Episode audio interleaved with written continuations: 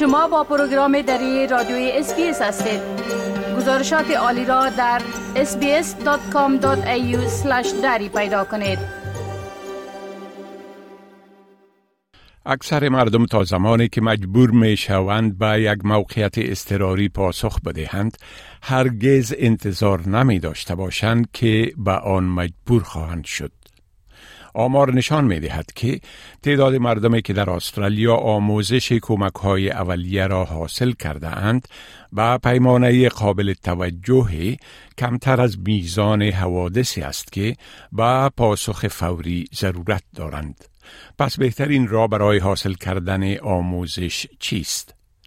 در سال 2017 صلیب سرخ دریافت که استرالیا یکی از پایین ترین میزانهای آموزش کمک های اولیه در جهان را دارد.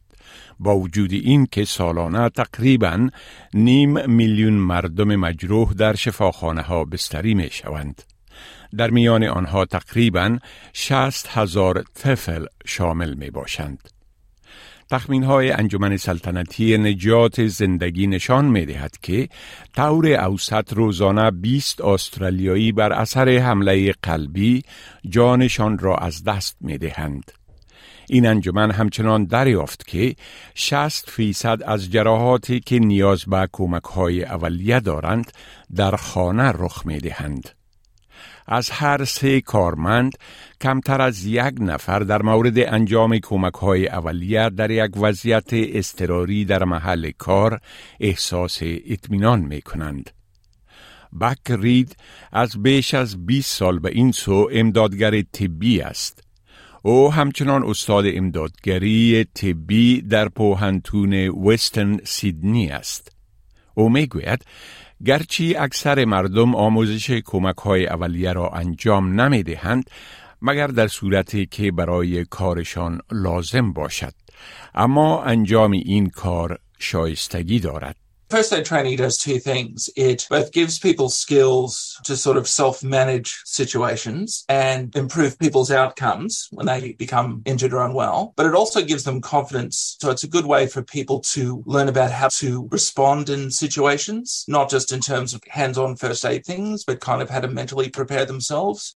کورس های آموزش کمک های اولیه اساسات چگونگی واکنش به وضعیت های استراری گوناگون و درمان زخمهای مختلف را به مردم آموزش می دهد.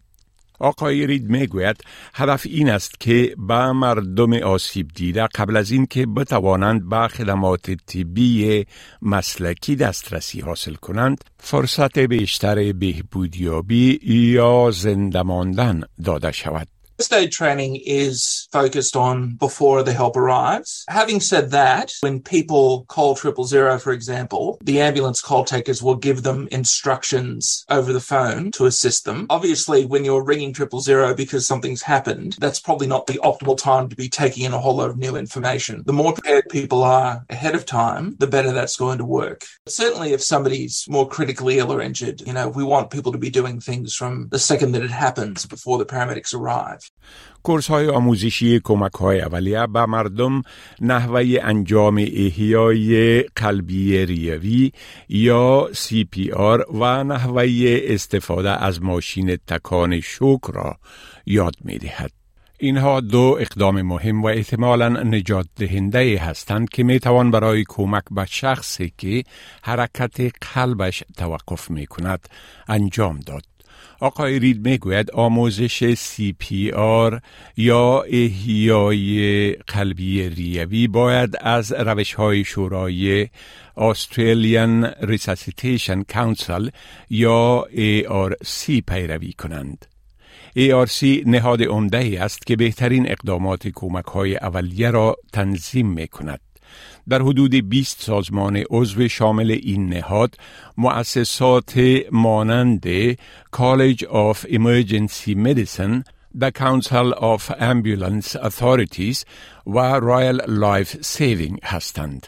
ARC guidelines represent the best available evidence for different first aid interventions. And that's the role of the ARC is create standardization so that organizations who teach first aid can easily reference good evidence. So people should find that courses should align with the ARC's recommendations. دکتر فنلی مکنیل هم جراح و هم مدیر کمیته فرعی کمک های اولیه برای شورای احیای استرالیا و نیوزیلند است. او می‌گوید که سازمان های زیادی وجود دارند که آموزش کمک های اولیه را فراهم می کنند. St John is, numerically speaking, the largest teacher of first aid in Australia and in New Zealand. But there are multiple other teachers of first aid. Red Cross is a very good example. Surf Life Saving, there's Royal Life, all teach first aid. And in some states and territories, also ambulance authorities have taught first aid in the past, and some do still. دکتر مکنیل می‌گوید که نهادهای خصوصی فراوان هم وجود دارند که برای دادن آموزش کمک های اولیه ثبت نام کردند. در حالی که اکثر کورس های کمک های اولیه به صورت حضوری تدریس می شوند، بعضی از آنها شامل اجزا و واحدهای آنلاین هستند. دبلو به حیث مسئول نواحی روستایی کمک های اولیه برای صلیب سرخ در بریسبون کار می کند. او می گوید که گزینه های ارائه کورس های مختلط بر رفع نیازهای مختلف آموزشی کمک می کند. The benefits to having a blended online component is that it allows you to do this at your time and your own pace, which is important for different kinds of learners who may need a little bit more time to reflect, to absorb the information, and also allows to go back and reread and revisit some of that information. And we also, with the online learning component, have the functionality for closed captioning, so that can allow for the online component to also be translated over into uh, a multitude of different languages. خانم لو علاوه می کند که والدین و مراقبت کننده ها این امکان را دارند که آموزش تخصصی کمک های اولیه را برای نوزادان و اطفال انجام دهند. دکتر مکنیل می گوید که در استرالیا آموزش کمک های اولیه باید هر سه سال یک بار تجدید شوند و هر سال آموزش تازه CPR یا احیای قلبی ریوی یا تنفس مصنوعی توصیه می شود. Training is really important for CPR. It really does help to have been trained in this. And unfortunately, at the moment, probably only 5% of Australians actually have a current first aid certificate. And the ability to do CPR actually fades with time since you last used it. کورس های کمک های اولیه از نظر مدت زمان متفاوتند. بعضی از آنها برای چند ساعت تا چند روز اجرا می شوند. بعضی از آنها دارای اعتبار ملی هستند، بعضی دیگرشان نیستند. بعضی از آنها برای محیط های اداری مناسب هستند، برخی دیگر برای محیط های کار در فضای باز مناسب می باشند. آقای رید می‌گوید کارآموزان و محلهای کار باید اطمینان حاصل کنند که کورس های را که انتخاب می کنند برای نیازهای آنها مناسب باشند. That means that they teach to a specific standard that's outlined for whatever that course is. And there's different first aid modules that address different things, often part of workplace training packages. So if you're doing it for a workplace reason, it's important to choose the first aid course that is correct for that workplace or for that need. بر علاوه کورس های معتبر بسیاری از سازمان های غیر انتفاعی، سازمان های اجتماعی و خدمات امبولانس هم آموزش کمک های اولیه رایگان را فراهم می کنند. آقای رید توصیه می کند که گزینه های مختلف موجود را بررسی کنید.